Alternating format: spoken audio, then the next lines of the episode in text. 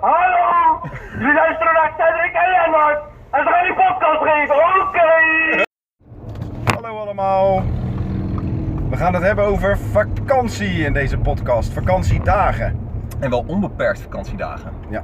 Want dat is natuurlijk een beetje raar, maar het kan. Je merkt het steeds meer, je leest er steeds vaker iets over. Bedrijven die zeggen, wij hebben inmiddels onbeperkt vakantiedagen. Je kunt zelfs spreken van een hype. Het is een beetje erudiet om het te hebben. Onbeperkt vakantiedagen. Ja. Maar ehm, ja, we gaan het eventjes hebben over het waarom ervan. Eh, de voordelen, de nadelen. Want nadelen zijn er ook. We spreken Ja. uit ervaring. Ja.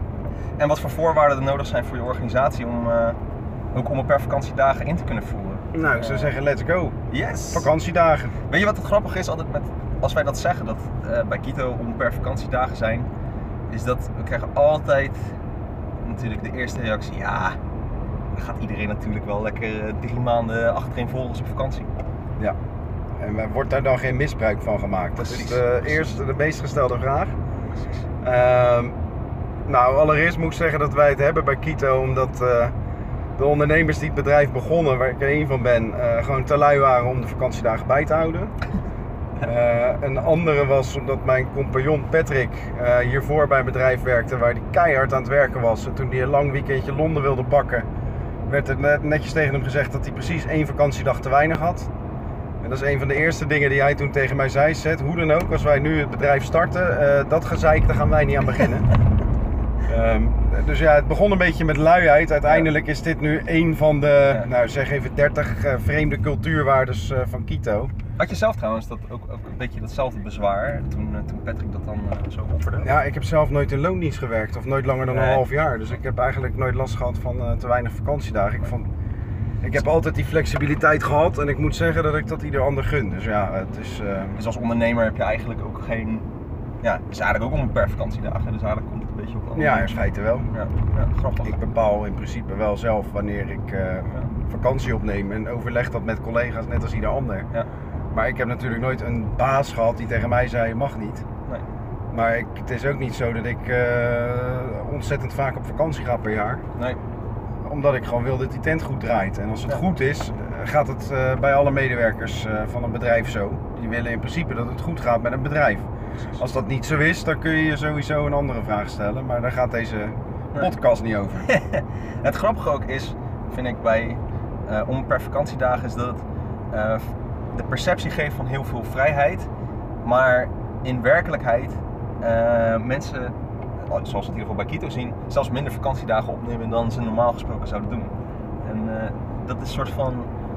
Uh, je geeft een fijner gevoel aan mensen, maar tegelijkertijd, uh, en dat, is, dat voelt bijna een beetje gemeen, gaan ze nog bijna harder werken. En, nou, jij bent de wetenschapper van ons twee. Ja. Hoe komt dat?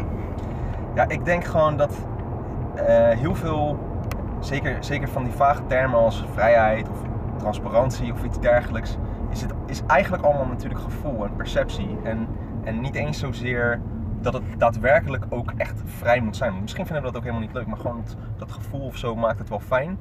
Um, en ook als je gewoon kijkt überhaupt naar uh, heel veel studies die kijken naar bijvoorbeeld wat autonomie doet, is dat mensen daarmee ook uh, sneller zich verantwoordelijk voelen en eigenaarschap gaan voelen over hetgeen wat ze aan het doen zijn. En met die eigenaarschap gaan ze uiteindelijk gewoon weer uh, meer werken. Dus ook al heb je meer vrijheid, ga je uiteindelijk toch wel meer doen. Uh, en datzelfde geldt bij die vakantiedagen. Het grappige is dat doordat je zoiets inbrengt, mensen eigenlijk minder op vakantie gaan, een stukje meer betrokken worden bij je organisatie en er ook harder voor willen gaan. Want het is zo'n tof bedrijf dat onbeperkt vakantiedagen doet. Ik mag het lekker zelf, mag lekker zelf indelen en zelf beslissen. Maar eigenlijk zeg je, onbeperkt vakantiedagen is het tegenovergestelde in de praktijk. Ja. ja en het, en maar zo... is het dan wel ethisch? Nou, verantwoord. Dat is, ik, ik vind dat dat een hele belangrijke. Dat is ook belangrijk voor de rest van de collega's. Ze wel elkaar in de gaten houden. Dat mensen wel daadwerkelijk op vakantie gaan. En je ziet ook bij ons, of bij Kito, dat um, omdat mensen aan het eind van het jaar geen vakantiedagen meer hebben om op te maken. Want hey, ze hebben onbeperkt ze. In december gaan ze niet kijken, oh ik heb nog vijf vakantiedagen, ik ga het even opmaken. Um, dat kan niet, want ze hebben onbeperkt, dus gaan ze niet per se. Maar het is wel van belang dat de rest van de, het team blijft uh, checken van, hey, ga je wel op vakantie? En zou je niet een keer op vakantie moeten? En dat is ook daadwerkelijk wat in de praktijk gaat, is dat mensen uh, bij ons andere mensen op vakantie schoppen als ze een beetje zagrijnig beginnen te doen. Oké, en laat ik dan even een van de andere veelgestelde vragen Mhm. eh, stellen aan jou. Wat nou als er een eh, collega is die even een maand een eh, reis maakt naar Azië? Ja. Eh, twee weken terug is op kantoor en dan nog een keer drie weken op vakantie gaat. Hoe wordt er dan naar gekeken? Wat wordt er gezegd? Nou ja, mensen voelen toch wel ergens. eh, aan de ene kant vinden ze het fijn voor diegene. Aan de andere kant kan het ook een, een bepaalde mate van oneerlijk, hè, een oneerlijk gevoel geven. Ehm, en ze zullen dat ook zeggen van, ja, weet je, dat was ik. Of ze maken er een beetje een grapje over. Dus degene die dan ook op vakantie gaat, die voelt toch wel dat er een bepaalde sociale druk is. Van, oh shit, als ik dan terug ben, dan moet ik eigenlijk wel heel erg goed mijn best gaan doen. Of eh, ik moet even wel heel goed gaan overdragen, want anders heb ik straks een probleem. Dus... Kortom, het gebeurt niet snel. Nee, nee, eigenlijk niet. Nee. Eh, ik heb dat heel weinig gezien. En eh, het grappige was de laatste keer dat iemand meerdere flinke wat weken op vakantie wilde gaan. Die zei uiteindelijk zelf. Eh, ja, ik ga, ik ga nog een keer wil ik graag lang op vakantie, maar misschien moeten we even wat doen aan mijn salaris dan, want ik vind het een beetje oneerlijk. Kijk aan. Bizar. Bizar. Hey, maar als het eh, contractueel, contractueel ben je verplicht om je medewerkers eh, onbeperkt vakantiedagen te geven. Nou, voor jullie informatie, hoe doen wij dat? Wij hebben ook gewoon netjes eh, 22 vakantiedagen in het contract staan en na Ja. ondertekening en daarvoor eigenlijk al geven we aan joh. Het mogen er ook meer zijn, het mogen er ook minder zijn. We letten er niet op. Nee. Eh, eigenlijk eh, hebben we het contract omdat het moet van de wet. Ja. Ehm, goed werkgeverschap. Maar in de praktijk kijken we maar gewoon. Mhm. En eh, er wordt nu ook heel erg vaak aan ons gevraagd: ehm, wordt er dan ook minder vakantie opgenomen? Ja, gevoelsmatig ja, maar we weten het niet precies, omdat we het tenslotte niet bijhouden. Dus dat is tegelijkertijd een heel mooi voordeel natuurlijk van deze manier van werken. Is dat het scheelt zoveel administratie en aanvragen van vakantie en weet ik veel wat allemaal. En moeilijk, moeilijk, moeilijk. Nu is het opeens de verantwoordelijkheid van de werknemer zelf. Ook om te regelen dat zijn werk wordt overgenomen. Nou, dat is bij ons in de praktijk is dat het geval. Eh, er wordt ook eh, vaak aan ons gevraagd: ja, maar ja, wat nou als iedereen tegelijkertijd op vakantie gaat? Nou, dat gaat net als bij ieder ander bedrijf. Mensen die sturen elkaar aan en zeggen: joh, luister, zullen we dat even overleggen? Ook daarvoor hebben we niet een eh, complete vakantieplanning. Maar daar moet ik wel even iets over zeggen. Als je ehm, niet bij ieder bedrijf kun je dit zomaar radicaal invoeren. Nee. Er zijn wel wat voorwaarden. Ja. Wat zou je zeggen dat de voorwaarden zijn? Ja, dat is dan wel een lastige, want jij bent de, jij bent de kennisbron van ons twee. Nou ja. Eh, nee, het, ehm, ehm, mensen in het bedrijf eh, die verantwoordelijkheid nemen. En eh, de voorwaarden voor het laten nemen van verantwoordelijkheid, dat zijn dan wel weer andere. Maar eh, verantwoordelijkheidsgevoel is absoluut eh, basisvoorwaarde nummer één, Mhm. wat mij betreft. Ja. Transparantie is een tweede. Ja.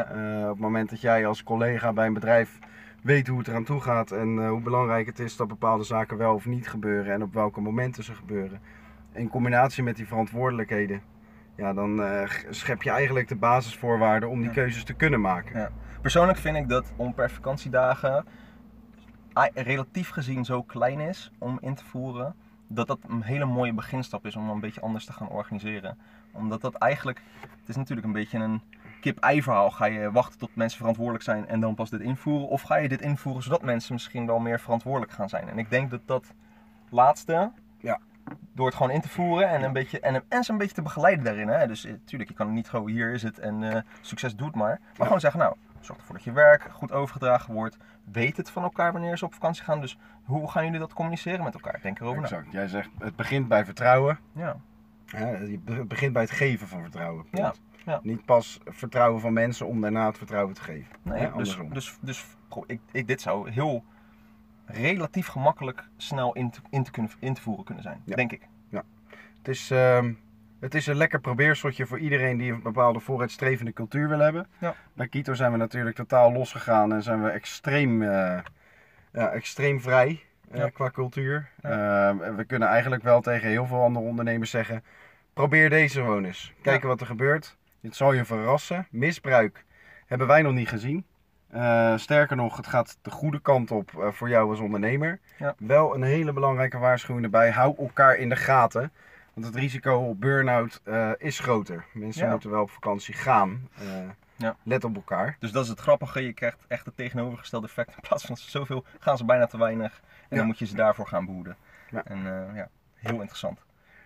Nou, laat je reacties weten. Wil je meer van mij of Lennart weten, connect ons op LinkedIn. Je vindt onze gegevens vast wel. Google is your best friend. Ehm, En geef er eens een reactie. Ik ben benieuwd wat andere mensen hiervan denken om dit in te voeren. En als je vragen hebt, dan horen wij ze graag. En dan gaan we ze gewoon ook beantwoorden in de volgende podcast, denk ik zo. Doe jij het ook al? Onbeperkt vakantiedagen? Vertel dan lekker op verjaardagen aan andere ondernemers dat ze het ook gewoon gaan doen. Want het is toch eigenlijk onzin, hè? Precies. Moet gewoon doen, joh. Mooi. Geen gezeik, iedereen rijk. Hartstikke idee en gaan. Hoppa. Hoi. Hoi.